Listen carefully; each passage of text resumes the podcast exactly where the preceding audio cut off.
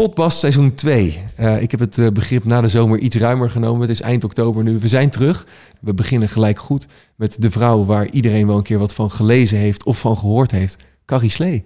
Hoi, hallo. Welkom. Ja, dank je. Leuk. Of eigenlijk heet ik mezelf welkom in jouw huis nu. nou, dat ben je hoor. Wat, wat, wat, wat een mooi huis is dit. Even ja, terzijde. leuk hè. Dit hebben we drie jaar geleden laten bouwen. We hebben ooit een vakantiehuis gehad en daarin gewoond vroeger, toen Ja. de kinderen klein waren. En was eigenlijk ons mooiste huisje, want het voelde helemaal niet echt. Ik hou er niet van dat een huis echt voelt. Wanneer is een huis echt?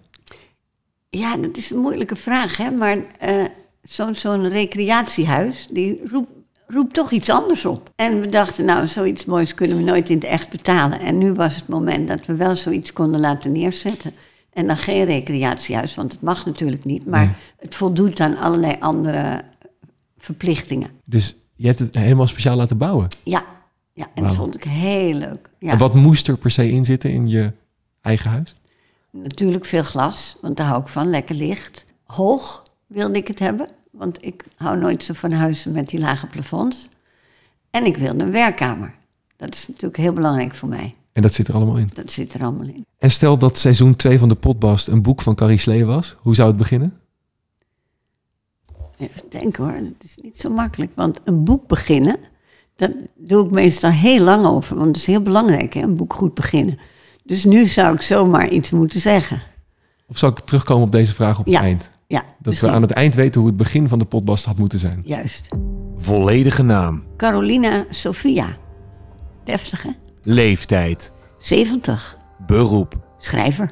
Bekend van. Kinderboeken het meest. Verliefd. Verloofd. Of getrouwd. Getrouwd, nou niet echt getrouwd, maar een samenlevingscontract met Alice.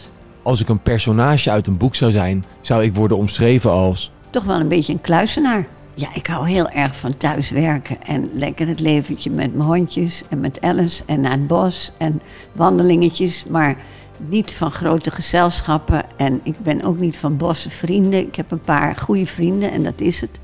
En natuurlijk mijn gezin, mijn kinderen en mijn kleinkinderen. Wat was de allereerste keer dat jij bewust in aanraking kwam met schrijven? Nou, toen ik heel klein was, hield ik al van schrijven. En dan maakte ik boekjes. Ik verzon verhaaltjes en die las ik voor aan mijn poppen en mijn knuffels. En eigenlijk is het altijd zo gebleven dat ik verhaaltjes ging schrijven. En eh, toen mijn oudste dochter, of mijn jongste dochter een jaar of zes was, vertelde ik altijd verhaaltjes voor ze gingen slapen. En toen zeiden ze, die moet je eens opschrijven, man. En dat heb ik gedaan. En eh, dat werd Keetje Karnemelk. En dat heb ik naar de Bobo gestuurd. Ja, vanaf dat moment, toen dat geplaatst was, voelde ik me echt schrijver. En toen is het hard gegaan daarna. Ja, zeker. Laten we eens even luisteren naar wat je allemaal gedaan hebt. Carolina Sophia Slee wordt op 1 juli 1949 in Amsterdam geboren. Al op jonge leeftijd blijkt dat ze een creatieve geest heeft, omdat ze als kleuter al verhalen bedenkt en die aan haar knuffels vertelt. Ze fantaseert veel om maar aan haar thuissituatie te kunnen ontsnappen. Haar moeder is namelijk manisch depressief en haar vader vindt het lastig om daarmee om te gaan. Carrie maakt als kind dus veel ruzie mee. Ze gaat studeren aan de Academie van Expressie door Woord en Gebaar en wordt dramadocent op een middelbare school. Samen met de leerlingen maakt ze toneelstukken, maar hoe leuk ze het ook vindt, ze mist wat. Uiteindelijk besluit ze voor haar grote droom te gaan om schrijver te worden. Eind jaren 80 verschijnt haar eerste boek, Rick en Roosje. Maar nog voor het boek gedrukt is, bedelft ze haar uitgever al onder allemaal nieuwe manuscripten. Carrie zit vol met verhalen. Op dit moment heeft ze meer dan 85 boeken geschreven, waarvan er 8 verfilmd zijn. Ze heeft veel grote prijzen gewonnen, is officier in de Orde van Oranje Nassau en heeft meer dan 5 miljoen boeken verkocht. Met haar werk heeft Carrie de levens van vele kinderen verrijkt. En dat is iets wat niet veel mensen kunnen zeggen. Mooi stukje. Ja, Wat wilde je eigenlijk worden toen jij een kleine Carrie was? toen ik een kleine Carrie was, wilde ik eigenlijk moeder worden. Ik weet nog dat Sinterklaas ooit vroeg toen ik vier was, wat wil je laten worden? En toen zei ik moeder. En iedereen in de kamer, alle volwassenen moesten lachen. En ik snapte helemaal niet waarom, want het was toch gewoon een beroep. Maar later wilde ik echt heel graag schrijver worden. Ik heb ook nog over toneelspeelster gedacht, want daar hield ik van. Op school deed ik dat heel graag. Maar schrijven was mijn grote ideaal. Maar wat was het met schrijven dat je zo leuk vond dan? Ja, verzinnen. Maar ik dacht, dit kan ik nooit. Want eh, ze zeiden altijd op de middelbare school dat je dan een 9 of een 10 voor Nederlands moest hebben. En dat had ik niet. Want ik schreef nog veel woorden fout. Dus ik dacht, het gaat nooit lukken. Maar daar moeten we vanaf. Hè. Dat is, daar zijn natuurlijk veel meer mensen mee opgevoed. Met die gedachte dat je heel goed in Nederlands moet zijn. Natuurlijk moet je je taal wel beheersen, maar eh, het gaat toch voornamelijk om een verhaal zo te schrijven dat je iedereen erin kan meeslepen. Dus je moet beter kunnen vertellen eigenlijk dan het kunnen spellen. Ik vind van wel, want spellen kan iedereen even voor je verbeteren. Het gaat altijd naar een corrector die dat perfect kan. Ja, Ja, maar als je niet goed kan vertellen, dan is er geen goed verhaal. En dan leest niemand het. je moest een negen staan voor dat in ieder geval dat idee had je. Ja, Hoe, hoe keek jij tegen schrijvers aan toen jij dacht, ik wil dat ook worden? het was wel iets heel ver van me af. Ik dacht, eh, dat kan ik nooit. Dat het hele bijzondere mensen waren, dacht ik ook. En dat heb ik nog wel vaak zelf gemerkt. Dat mensen denken dat, dat je heel bijzonder bent omdat je schrijver bent. Maar ik ben maar een gewoon mens en ik doe mijn vak. Het is Ja. een vak. Wat is het dan het bijzondere wat mensen daarvan vinden? Ik denk het, eh, het creëren. Dat er iets ontstaat, en dat vind ik ook zelf het allermooiste ervan. Ja, Dat er iets ontstaat wat er voor die tijd nog niet was. Dat Nee. is natuurlijk ook heel mooi. Mensen die kijken daarnaar. eh, je creëert iets. Eh, in de afgelopen jaren eh, meer dan 80 boeken uitgegeven. Ja, 500, eh, 5 miljoen boeken verkocht. Hoe, hoe is dat? Als je, van, als je terugkijkt nu naar dat moment op, op de middelbare school. Dat jij dacht van, nou ja, dat kan ik nooit. En kijk waar je nu bent. ja, dit heb ik natuurlijk nooit gedacht dat ik dit zou voor elkaar zou krijgen. Dat het zo groot zou worden. Ja, de stap dat ik schrijver ging worden was best groot, want we hadden twee kinderen. We woonden in dat eh, vakantiehuisje in Schorreldam. En we hadden weinig geld. We werkten alle twee, El, de helft van de week en ik de helft van de week. En toen heb ik toch op aanraden van Alice die stap gezet. ja, Want die zei, je bent niet echt gelukkig met dramadocent. Volg je hart, ga gewoon schrijven. ja. Dat was wel even moeilijk. Want we moesten natuurlijk van de helft van het inkomen rondkomen. ja. Maar dat hadden we er allemaal voor over. En eh, ja, zo is het langzaam gegaan. Want zij was de enige die in jou geloofde, hoorde ik jou ooit zeggen. Ja, zeker. Want eh, mensen dachten, dat kan je toch nooit. Je hebt nooit goed, bent nooit goed op school geweest. Dat, eh, dat wordt niks. Mijn ouders ook, die geloofden er helemaal niet in. Nee. Maar Alice wel, want die had een stukje van mij gelezen. En die dacht, ja, dit is iets. Ja. En, en als, als zij als enige in je gelooft, is dat dan voor jou het belangrijkste? Dan maakt het niet uit wat de rest van de wereld zegt als Alice Ja, absoluut. In die tijd zeker. En eh, nu nog, ik vind dat heel belangrijk. Ja, ik denk dat als je een partner hebt die niet gelooft in wat jij doet, dat dat heel moeilijk is. Dat zou ik niet willen. Nee. Wa- wa- Want wat voor rol heeft een partner? Ja, bij mij een hele belangrijke. We hebben samen op de Academie voor Expressie gezeten. Alice is zeer creatief, houdt ook van verzinnen. Dus eh, het is ook een heel leuk stuk van onze relatie. S'morgens gaan we met de honden wandelen en dan ga ik werken. En dan spreek ik met Alice door en dan verzinnen we ook samen. En daar hebben we heel veel plezier aan. dus, en ze doet ook veel voor het schrijven, dus ze, ze hoort er helemaal bij. Ja. En dat is, eh, ja, dat is natuurlijk heerlijk. ja, want zij, zij corrigeert wat je doet ook. Ja. Ehm, Oh ja, ze lacht me rustig uit als Ja? het niet goed is. Oh zeker, ze is heel streng. Ja, en dat vond ik vroeger heel eng. ja. Maar ik heb altijd geloof gehad, ook in haar, dat zij het kon. ja. En dat is dus ook zo. Want ze is streng. Hoe, hoe, hoe, moet je dat voor je zien? Want jij nou, maakt... ze gaat niet zeggen, goh Carrie, het komt beter. Wat heb je nou opgeschreven? Nee, dit is helemaal niks. Ik zie niks voor me. Zo, eh, hoe moeten die kinderen weten, eh, waar, waar zit dat? Waar, waar zijn die hoofdrolspelers? Ik zie ze helemaal nergens, ik hoor niks. Dus eigenlijk is zij de grote kracht achter Carrie Slee. Ja, ja, Was je gekomen waar je bent zonder haar? ik denk het niet. Nee. Nee, nee, ik denk het niet. Want waar was je dan naartoe gegaan? Ik weet niet of ik zelfs had schrijver was geworden, of ik dat had gedurfd. Nee. Weet ik niet. Ik weet niet wat er dan van me geworden was. Waarschijnlijk iemand die een leuk beroep had, maar die niet helemaal eh, gelukkig daarin was. Nee. Nee, want op een gegeven moment heb je dus de keuze gemaakt om je veilige eh, leven, zeg maar de betaalde baan, Ja. eh, als dramadocent achter je te laten. Ja, Om te gaan voor nou ja, wat je echt wilde. Ja, een avontuur. Wat was het eerste moment dat je dacht van, nou, misschien moet ik dit maar gewoon eens gaan doen? Weet je, weet je dat nog? Ja toen ik dus eh, aan het schrijven was en Alice dat had gelezen en het goed vond, toen voelde ik van ik moet dit doen. Ja. Ik moet dit gaan doen. Ja, En dan denk je, oké, dat is een gedachte, die is er misschien morgen nog. Eh, ik moet op een gegeven moment ook naar de directeur van die school toe. Ja, dat was heel raar, want die begreep er niks van natuurlijk. Want ik had een vaste aanstelling, iets wat in het onderwijs heel belangrijk is. Ja, Ik dacht, je gooit je zekerheden toch niet zomaar voor een of andere oprisping weg. Nee. En iedereen hoor, daar snapte er allemaal niks van.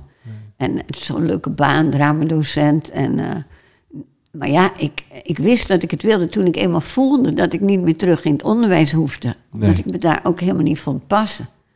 Ja, toen werd ik zo happy, van tevoren al. Dus eigenlijk eh, het idee om daar weg te gaan was, gaf meer geluk dan het idee dan daar te moeten blijven. Ja, daar te moeten blijven was echt niet, niet fijn. Nee. Nee, Maar goed, op een gegeven moment heb je dan geen werk meer. nee. Of in ieder geval geen betaalde baan. Je gaat schrijven, je gaat voor je droom. Hadden jullie ook iets van een termijn afgesproken? Van het Nee. moet binnen een jaar lukken? Of, nee, zo zijn wij eigenlijk niet. We zijn daar ook wel weer makkelijk in en vol vertrouwen. ja. Eh, we gaan het gewoon doen. En desnoods moesten we ons huisje verkopen en dan gingen we in een caravan wonen. Als we dit graag wilden, gingen we dat echt doen. En waar, waar komt die overtuiging vandaan? Is dat iets wat in jullie zit? Ja, ik denk in allebei. Dat is natuurlijk ook heerlijk dat je dat samen hebt. Ja. Als je een hele voorzichtige partner hebt, die gelooft in allerlei zekerheden. Ik geloof namelijk niet in zekerheden. Wat zijn dat voor zekerheden? Eh, ja, natuurlijk, je wil je inkomen wel hebben. Maar hier in Nederland kan je ook in het uiterste geval altijd nog een uitkering krijgen. Of gewoon een baantje nemen. Ja. Dus ja, Dus het kan eigenlijk altijd nog als je droom niet lukt. ik vind van wel. Ja. Ja, maar ik ging er absoluut van uit dat het moest lukken. Ja. Ik denk dat het ook belangrijk is dat als je iets begint wat je graag wil, ten eerste moet je het graag willen, want anders denk ik dat je al voor de helft verloren bent. Dat je er helemaal voor gaat en er ook echt in gelooft en er alles voor over hebt. ja. En hard werken. Dus falen was eigenlijk geen optie voor je. Nee, nee, Nee. nee. Nee, we, we hadden het net al even kort over je, je ouders vroeger. Ja, Die hebben je dan niet gesupport, hoorde ik je net zeggen. nee, die dachten, dit, ik was niet zo goed op de middelbare school. Nee. En dus die dachten, "D- dat ga jij niet redden. En mijn vader had dan eh, ideeën van Mozart begon al op zijn derde. Ja, En jij begint nu pas. Ja. Dat kan nooit wat worden. want je was eind 30 toen, toch? Ja, Ja. ja. En, maar, maar wat doet dat met je als je ouders dat tegen je zeggen? Ja, ik vond het niet makkelijk, maar daar stond Alice tegenover, die er helemaal in geloofde. Dus dat, ik dacht, ik zal het jullie eens laten zien. Ja. Nee, je hebt het laten zien. Ja, dat was het leuke. Ja. Hebben, hebben zij daar iets nog... Zijn ze er ooit op teruggekomen dat ze zeiden van... joh, we hadden het fout? Nee, dat hebben ze nooit gezegd. Ze hebben er wel van genoten dat, dat ik het inderdaad ben gaan doen en dat het lukte. Ja. Maar helaas heeft mijn vader niet het echte grote succes mogen meemaken. Nee. Maar mijn moeder was er wel heel trots op. Die liep altijd met een boekje in de tas. En wat, bij het gênante af dat ze ergens zei... Dit moet, u heeft toch kinderen, dit moet u lezen. U mag het wel even lenen. Oh, van, dit is mijn dochter. Ja, Ja. ja, ja. En eh, wat vond je daar toen van, toen dat gebeurde? Dat voelde nooit zo heel erg prettig. Nee? Nee, nee, Maar zou je het nu zelf ook doen als, jou, als je kinderen... nee, ook- niet op die manier. Nee?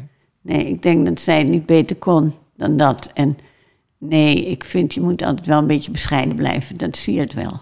Je inspiratie, Ja. dat is begonnen toen je klein was. Ja, Ehm, ja. En ik heb me natuurlijk altijd in mijn moeder ingeleefd. Want die was altijd somber of ze, ze wilde niet verder leven. En ik wilde er altijd opbeuren. Dus ik keek altijd hoe gaat het met haar. Ik luisterde goed naar. Dus dat heb ik ontwikkeld, het Ja. inleven. Ja, En het grappige, met toneelspelen leef je ook in.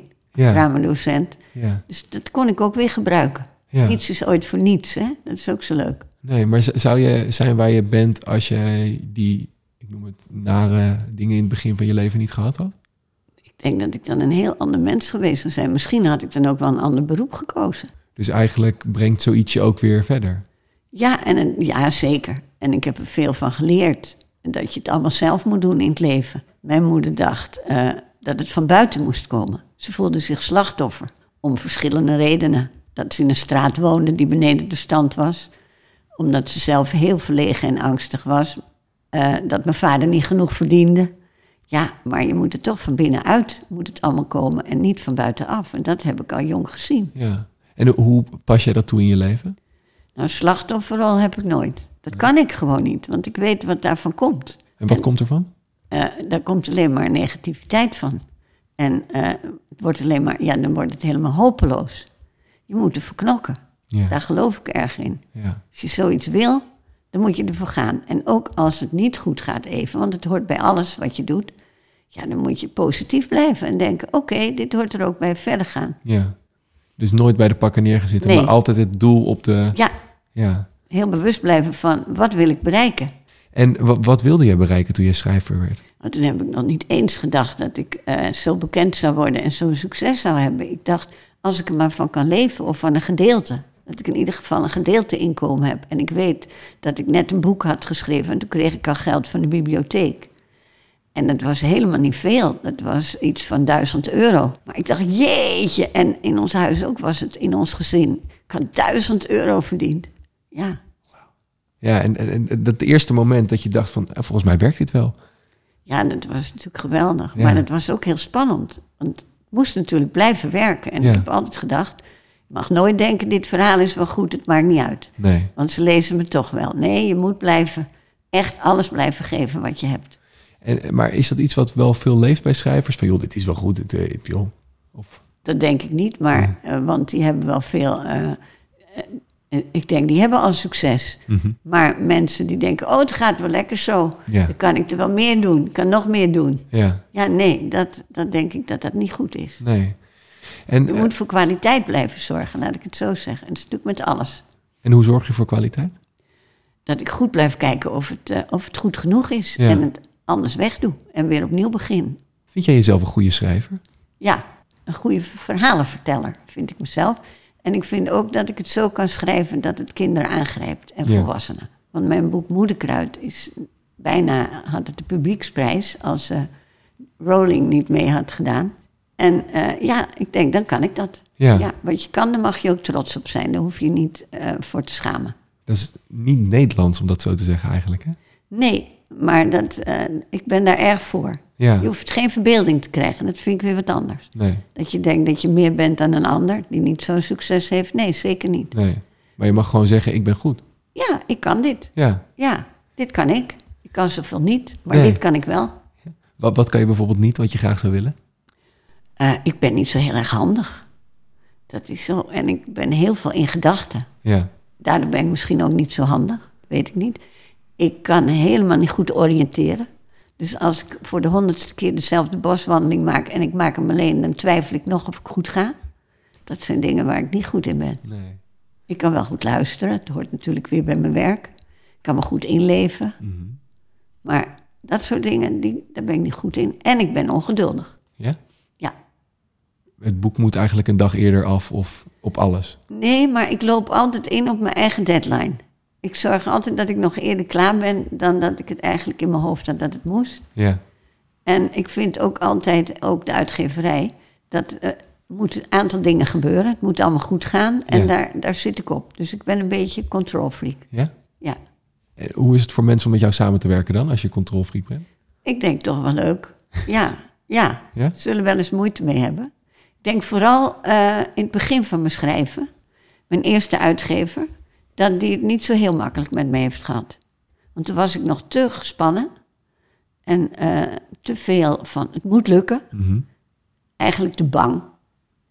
En dan ben je niet los genoeg, hè? Nee. Dat heb ik niet meer natuurlijk nu. Nee, toen we hier naartoe reden, toen dacht ik van ja, elke keer heb ik toch het gevoel als ik een podcast ga opnemen, ik hoop dat het weer lukt vandaag. Ja, Ik, ho- ik hoop dat er weer iets moois uitkomt. ja, Heb jij dat ook nog steeds? ja zeker. Ja, het is zo. Elke morgen als ik mijn werkkamer inga, zeg ik tegen Alice, dit wordt moeilijk hoor. Ja? Ik moet nou iets heel moeilijks verzinnen. Ja, en het blijft. En ik Ja. denk dat het er ook bij hoort. Als je gaat denken, maar gaat wel lukken hoor. Misschien een half uurtje eerder klaar dan gisteren. Ja, Ja, daar, zit er geen, geen e- goede energie in. nee. Hoe komt een Carrie Slee boek eigenlijk tot stand? Eerst verzinnen voor welke leeftijd ik een boek wil maken. Dat is altijd verschillend, want ik heb heel veel prikkels nodig. Dus als ik steeds 12 plus gedaan heb, wil ik ineens weer 9. Dan gaan denken, eh, wat, waar ga ik over schrijven? Dat is natuurlijk het allerbelangrijkste. En als ik dat thema heb, dan ga ik elke dag verzinnen. Dus ik ga niet alles van tevoren bedenken en dan schrijven. Ik ga het per dag verzinnen. Dus je hebt geen idee waar het eindigt eigenlijk. Nee, no- niet helemaal. Nee. En eh, je, je gaat dan, je, je hebt hier een schrijf, schrijfhuisje. Ja, in de Eh, tuin. Daar ga je naartoe. Ja. Je hebt pen en papier. Want Ja. je schrijft alles met de hand. Dat Ja. vond ik ook wel opvallend. Ja. Waarom? Ja, ik dacht, vroeger, vroeger schreef ik al zo met mijn hand op het tafelkleed, hè? met mijn vingers. Mhm. En dan zeiden mijn ouders altijd, je bent weer aan het schrijven. Ik hou van die beweging, maar ook van het gevoel van dat je vingers op het papier, zo vanuit je hoofd stroomt het dan door je arm naar het papier. En ja, bij mij werkt dat gewoon veel beter. Want waarom? Weet je dat het nu wetenschappelijk bewezen is? Ik weet ook niet waarom, want dat zou ik uit moeten zoeken. Maar het is wetenschappelijk bewezen dat dat toch de hersens meer prikkelt. Omdat je bewuster bent of iets? Ja, ik denk het. Ja. Ja. omdat het allemaal met elkaar in verbinding staat natuurlijk. Zou jij een boek kunnen schrijven op de computer? Als het moet wel, maar ik zou het niet met plezier doen. En dat tikken vind ik ook nogal iets. Ja? Ja, niet leuk. Ik doe het wel, want het Ja. moet. Maar daar geniet ik niet van. Nee. Nee. En je, je, je- we hadden het net ook al over, over je partner. Ja. Ehm, je, je- stel, je hebt een dag in dat huis geha- in je, in je schrijfhuis gehad. Je hebt eh, eh, een half schrift volgeschreven. Ehm, bij wijze van. Eh, je komt naar buiten en je denkt, nou, ik heb het, het meeste werk. Dit is, dit is het beste wat er ooit geschreven is. Ja. Loop je wel zo naar buiten? Ik heb het wel gehad toen ik, toen ik pas begon. Dat ik dacht, nou, wat ik nou heb gemaakt, dat is zo knap. Als mijn uitgever dit krijgt, toen moest het nog met de post, envelopje erop. Ze gaat me meteen bellen. En ik ging werkelijk naast de telefoon zitten. Omdat ik dacht dat ze elk moment kon bellen van... Carrie, dit is zo knap. En mijn bloemen zou sturen en blij zou zijn. En er kwam helemaal geen telefoontje. En na een week ben ik haar op gaan bellen en heb ik gevraagd... heb je het wel gekregen? Ja, zei ze toen heel snel, maar ik vind het niet goed. Hij kon het helemaal niet geloven. Ik dacht, die heeft er geen verstand van. Ja, En dan? toen heb ik het weggelegd. En heb ik het na een tijdje nog eens opnieuw opgepakt. En toen dacht ik, ja, ik zie wat er niet goed aan is. En wat was er niet goed aan? Eh, ik had niet goed van, eh, eh, constant genoeg vanuit de kinderen hun karakter geschreven. Dat moet je ook leren. Mhm. Als jij bedenkt dat een jongen heel verlegen is, kunnen bepaalde dingen niet. Anders geloof je het verhaal niet meer. Nee. En dat deed ik toen nog met gemak. Ja. Ik had me wel ontwikkeld in verhalen verzinnen, maar in die karakters en zo, dat moest ik nog leren. ja. En als iemand tegen je zegt, zoals ze toen zeiden van... joh, ik vind het niet goed. Dat betekent dus dat je niet eh, per se betekent dat het verhaal aan zich slecht is... maar dat er bepaalde elementen zijn. Ja, ja. Zou, zou je kunnen aanraden om dan gewoon er het weg te leggen... en er nog eens later naar te kijken... in plaats van het allemaal gelijk weg te gooien en het is allemaal troep. En, eh, Ja, dat zou ik doen, want ik heb een boek geschreven, Durf te schrijven, eh, voor volwassenen. mhm. Eh, omdat ik altijd zoveel vragen krijg van hoe moet ik verder, ik zit vast en ik kan het maar ja, met een klein beetje beantwoorden. En daarin zeg ik ook van wegleggen. Niet meteen helemaal weggooien, ja soms wel, als je zelf denkt. Het is niet goed, moet je het weggooien. Maar als je er zelf wel vertrouwen in hebt en een ander zegt, ik vind het niet zo goed, gewoon wegleggen en denken na een tijdje, nou ga ik het weer eens bekijken. En dan kijk je er fris naar en dan zie je het. ja. En ben je nog wel eens onder de indruk van wat je zelf maakt? Dat je denkt nou, hey, dat ik dit geschreven heb. Wat, wat, wat een meesterwerk. Eh, ja, zo ben ik nog wel hoor. Ja? Dat ik denk, dit is echt goed wat ik nu gedaan heb. Ja. Ja, En dan komt Alice binnen en dan denk je, nou, laat maar zitten. Sorry dat ik besta. ja dan eh, vindt zij het misschien niet goed. Juist als ik denk, dit is helemaal fantastisch, want dan is het altijd een beetje over de top. Ja. En dan denk ik dat het heel goed is, zegt Alice, nee zeg. Wat Ja. is de, wanneer is de laatste keer dat dit gebeurd is?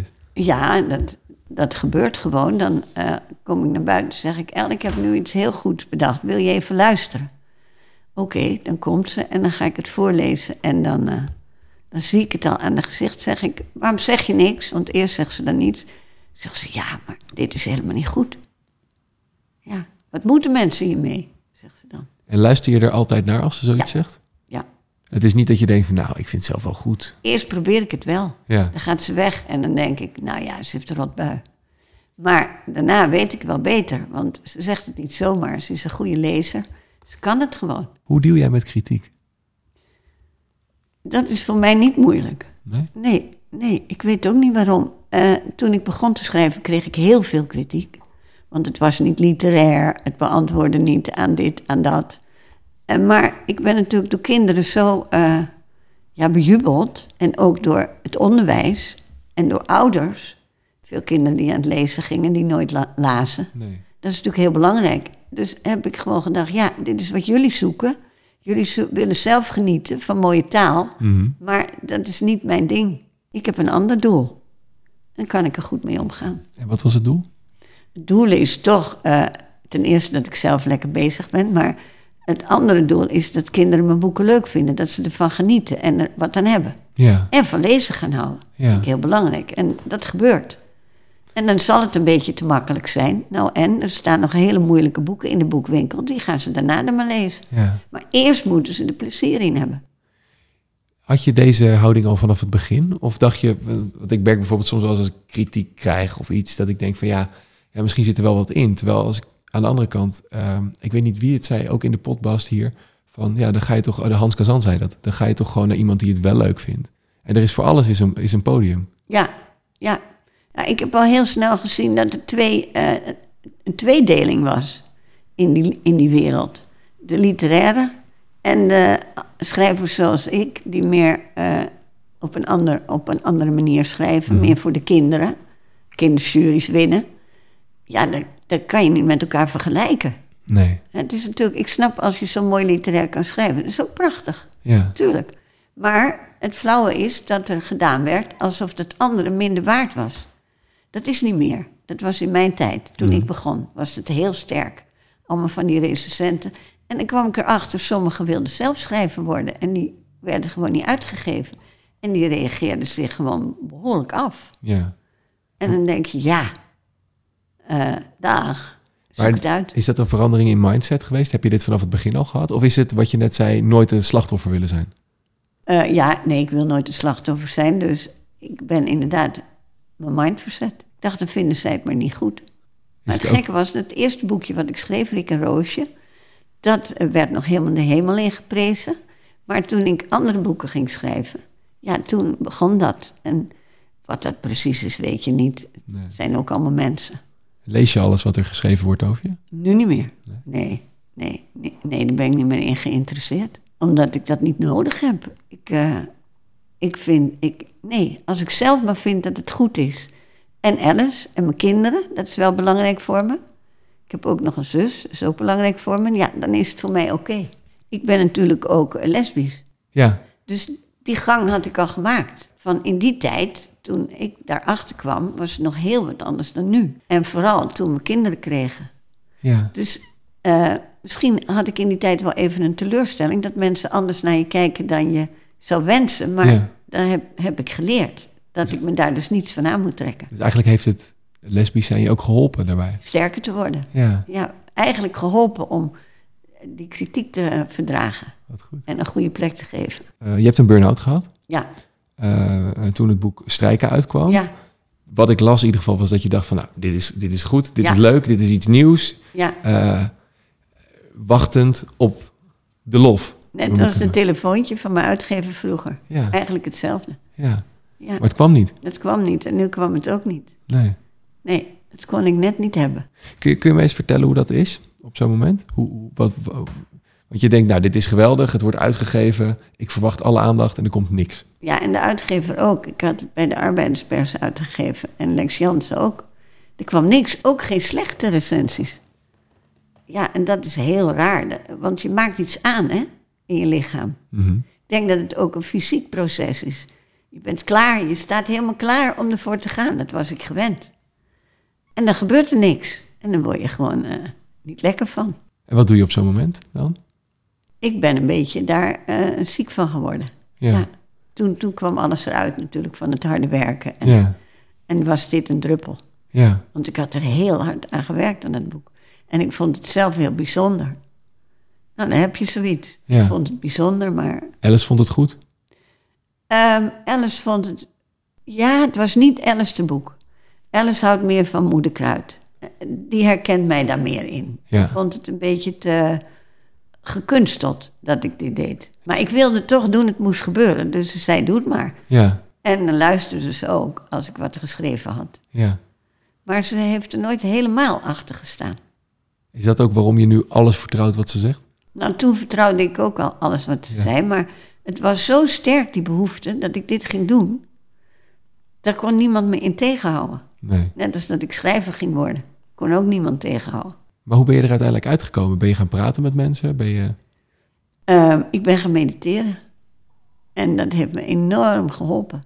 Want dan, ik was natuurlijk ook door al die jaren maar zoveel publiceren. En naar scholen toe, s morgens om vijf uur uit je bed, stationnetje.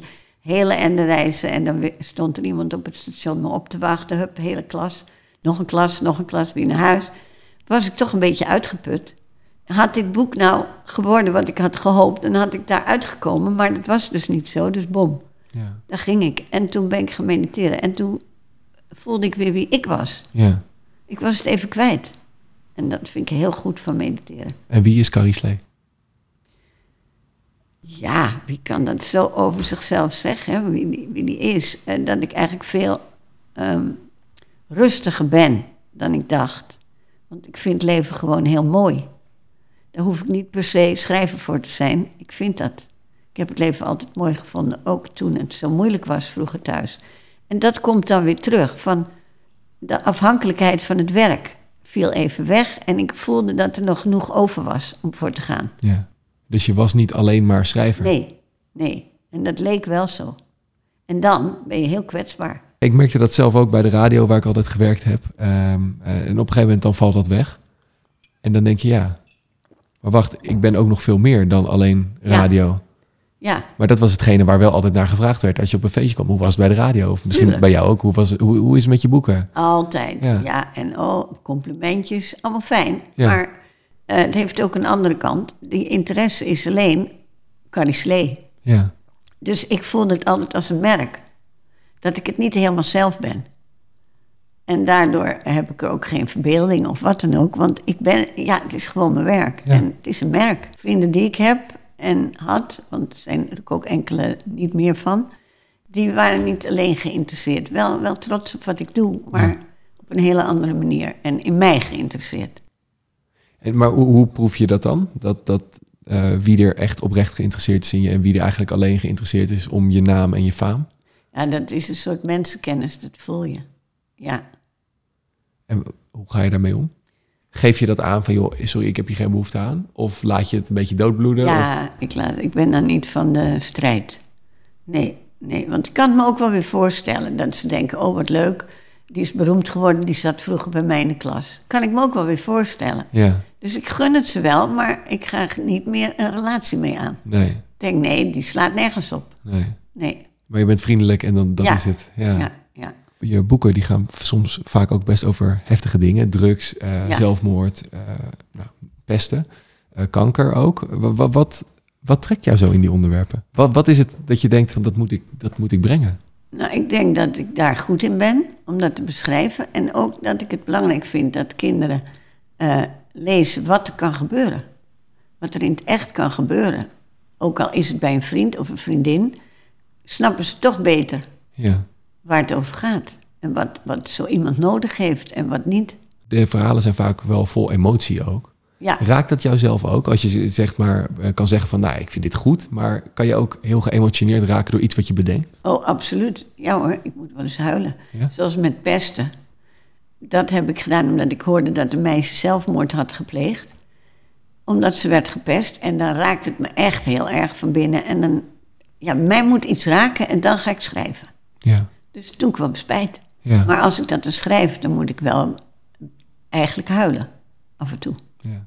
Ja, zo'n jongen zo gepest wordt. En het heeft zo'n impact, hè. Pesten. Ja. En eh, wat is het dan hetgene wat jou raakt daarin? de pijn van de ander en ook het lelijke wat mensen doen. Dat je denkt, hoe, hoe is het nou toch mogelijk dat mensen dit doen? Zo, eh, ja, zo gewetenloos. Ja. Ja. Het lijkt je nu ook te raken, of niet? Of, of lijkt het zo? ja, het raakt me. Ja, Ja, dat vind ik ook een ding. Als ik dat zie of hoor, denk ik altijd, hoe kan dit nou? Hoe, hoe- waar komt het vandaan? ja. Dat mensen dit zomaar doen, zonder te denken aan die ander. En hoop je door jouw boeken ook daar verandering in te brengen? Dat je denkt van nou, Ja, soort... zeker. Ik heb dat wel. En met spijt eh, stond heel lang achter op de VPRO-gids kinderen die zeiden... nou, als er in je klas gepest wordt, dan moet je spijt lezen, moet je aan juf vragen. En ja, ik denk dat het toch echt wel wat gedaan heeft. Maar het heeft natuurlijk pesten niet weggehaald, want Nee. er wordt nog steeds gepest. Ja. Maar is dat uiteindelijk ook iets wat je wil bereiken met je boeken? Dat het behalve een mooi verhaal ook iets teweeg brengt? Ik vind het wel fijn dat het iets teweeg brengt. Ja. Maar goed, het, eh, zoals ik net zei, het zijn ook wel heftige onderwerpen. Heb, Ja. heb je ook wel eens overwogen van misschien moet ik het niet doen omdat misschien het te gevoelig ligt? Of Wel eens in een boek, met spijt, dacht ik, mag ik hem wel laten verdrinken? ja, Zelfmoord. ja, En daar heb ik heel lang over nagedacht. En ook met juffen en meesters over gepraat van groep 8. En die vonden allemaal dat het wel moest. ja. En toen durfde ik het. En, maar op het moment dat, je, dat het boek dan in de winkel ligt, ben je dan ook op zo'n moment gespannen van, nou ja, wat zullen ouders hiervan vinden? Eh, altijd vind ik het spannend als een boek in de winkel ligt. Van, eh, vinden kinderen het mooi? Ja, En, eh, maar wat ouders ervan vinden, nee, dat, dat maakt me niet uit. Want ik sta er zelf achter, dus ik denk, dit is goed. En als ik gevoel heb bij iets dat ik denk, jee, het raakt me... dan weet ik zeker dat het een ander ook raakt. ja. Maar je weet niet altijd hoe je dat precies moet opschrijven. Dat wordt dan het moeilijke. En hoe doe je dat dan? Ja, dat, tot nu toe heb ik nog alleen geschreven waarvan ik dacht, dit raakt me. Ja, heb ik allemaal geschreven. ja, Ik heb nog bij niks gedacht, dit kan niet. nee. Ik denk wel eens, ja, je moet er wel even van bepaalde dingen afstand hebben genomen. Als het persoonlijk is, wat ik schrijf. Dan Zo- wordt het mooier. Want voor ik Moederkruid geschreven heb, heb ik al eens geprobeerd om over mijn jeugd te schrijven toen ik net begon. En het werd echt niet mooi, omdat ik nog te veel, eh, ja, de pijn voelde. En dan is het niet meer mooi om te lezen, want juist met Moederkruid eh, kun je zelf die pijn voelen, want het kind vertelt het heel sec. Ik merk gewoon, eh, eh, op de een of andere manier vind ik het wel heel mooi om te zien wat de emotie met jou ook doet. Op het moment dat je vertelt van, nou, ik vind dit, dit raakt me. Of, of Ja, dat het, je bent volgens mij wel een gevoelig mens. ja, ja, heel gevoelig. Maar ik denk dat die gevoeligheid ook in mijn werk ligt en dat kinderen dat ook voelen. En dat het daardoor ook een succes is. Het is belangrijk dat het echt is. Ja, ik denk dat ze dat er doorheen voelen. Ja. Dat het niet alleen maar een verzonnen verhaaltje is. Van oma kan zo leuk vertellen. Krijg je vaak de vraag of, ehm, of je mensen kan helpen om een schrijver te worden? Ja, heel vaak. Ja, daarom heb ik het boek gemaakt. Ja. Ja, eigenlijk een boek dus met allemaal tips van hoe word je schrijver. Ja, en hoe ik het zelf allemaal gedaan heb. Het is wel grappig, want het onderscheidt zich van andere boeken op dat vlak. Ik heb voorgedaan hoe het niet moet en hoe het wel moet. Met voorbeelden. ja. En precies, al mijn eigen bloepers. Maar die mensen die jou allemaal vragen van ehm, eh, hoe word ik een goede schrijver? Zijn dat er eh, per week zijn dat er drie of tien of honderd? Of hoe moet je dat zien? Nou, het zijn er in ieder geval honderden per jaar. Ja. Heel veel mensen willen schrijven. Ja. Het zijn er wel miljoenen. Maar niet iedereen lukt het natuurlijk. Waar zit het hem in? Ik denk dat je talent moet hebben, dat dat heel belangrijk is. En ehm, ook de passie, de juiste instelling waar we het over hadden. Hè? Als het niet gaat, dat je er positief naar moet blijven kijken. Mhm. Maar ook heb je een heleboel andere dingen nodig. Zoals, het is eigenlijk wat mij is overkomen. Je moet de juiste mensen op je pad tegenkomen. Zoals Alice mij heeft kunnen helpen, maar ook mijn uitgever, waar ik begon. Ja, die geloofde in me. Die durfde het risico aan van een onbekende Carrie Slee uit te geven. En in een krantje, of in een krant, mag niet zeggen krantje. In een dagblad schreef ze, Carrie Slee wordt een hele grote. Toen moest ik nog beginnen. Ik had maar één verhaaltje gemaakt. Ja. En dat gaf me een enorme opkikker natuurlijk en vechtlust. Maar zo, zulke mensen moet je ook op je pad tegenkomen. En ik zat bij Van Holkema in Warendorf. En dat was een hele goede kinderboekenuitgeverij. En die uitgever was goed. En de PR was ook heel goed. En dat is wel belangrijk, want ik ben wel collega's tegengekomen waarvan ik dacht... jij kan veel meer dan dat er nu uitkomt. Maar dan zaten ze bij een uitgeverij die niet voldoende wist hoe ze dat moesten doen. Dus het, is een heel keten, is het, hè? Dus je eigenlijk succes is nooit afhankelijk van, eh, van jezelf. Nee, niet alleen. Nee. Nee, Want je kan nog zo goed zijn, maar als je de mensen om je heen niet goed hebt, dan... dan geloof ik niet dat het gaat lukken. Nee. Nee, nee. En eh, al die, die, die jonge schrijvers die jou eh, berichten sturen, ehm, Ja. die sturen manuscripten mee ook altijd. Le- lees je alles? Alice leest voornamelijk en als het interessant is, laat ze het mij een stuk lezen. Ja. Ja, En, en geef je daar ook feedback op of hoe moet je ja, dat zien? ja, zeker. Ja. Ja. Want voor sommige mensen zal dat misschien wel hard binnenkomen als hun idool Carrie Slee zegt van ja. Nou, dat zou ik nooit zeggen, want eh, ik vind het schrijfplezier voor jonge mensen heel belangrijk. Ja, Dus als zij het leuk vinden om te schrijven, dan denk ik, dan zit er al genoeg in. En moet je vooral blijven doen. Maar dan moeten ze nog wat meer leren. Ja. Dat is weer wat anders. Wat, wat zijn de meest voorkomende fouten bij jonge schrijvers? Nou, dat ze heel lange, dikke verhalen meteen maken. Ik zeg altijd, ga eerst met een kort verhaaltje beginnen. En kijk of je alles erin hebt zitten wat erin moet. Een begin, een midden en een eind. Ja. Maar sommige schrijvers, jonge schrijvers, en het kunnen ook volwassenen zijn... die komen meteen met een hele dikke pil aanzetten. Ja, dat is zo jammer. Want dan heb je heel lang diezelfde fouten gemaakt. Terwijl als je een kort verhaaltje maakt... dan kun je meteen horen wat er beter kan.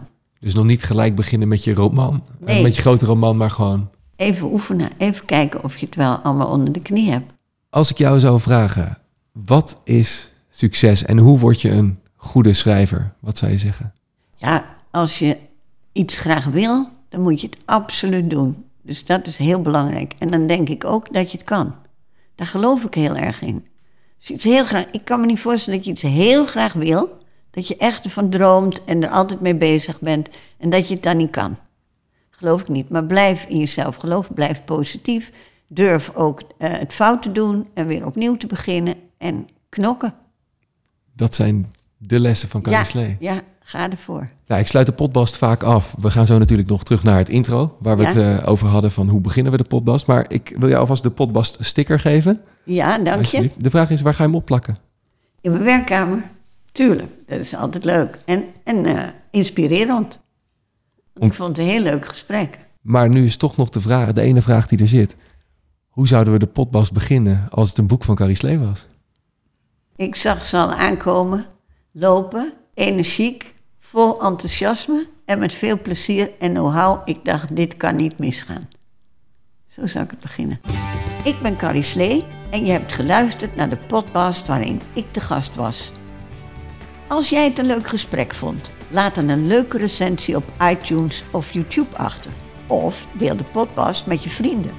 Als je in je Instagram story zet dat je deze podcast luistert en je tagt de radiomeneer, maak je ook nog kans op een podcast sticker. Dank jullie wel dat jullie naar mij hebben geluisterd en ik hoop dat het een eh, boeiend gesprek voor jullie was. Tot ziens.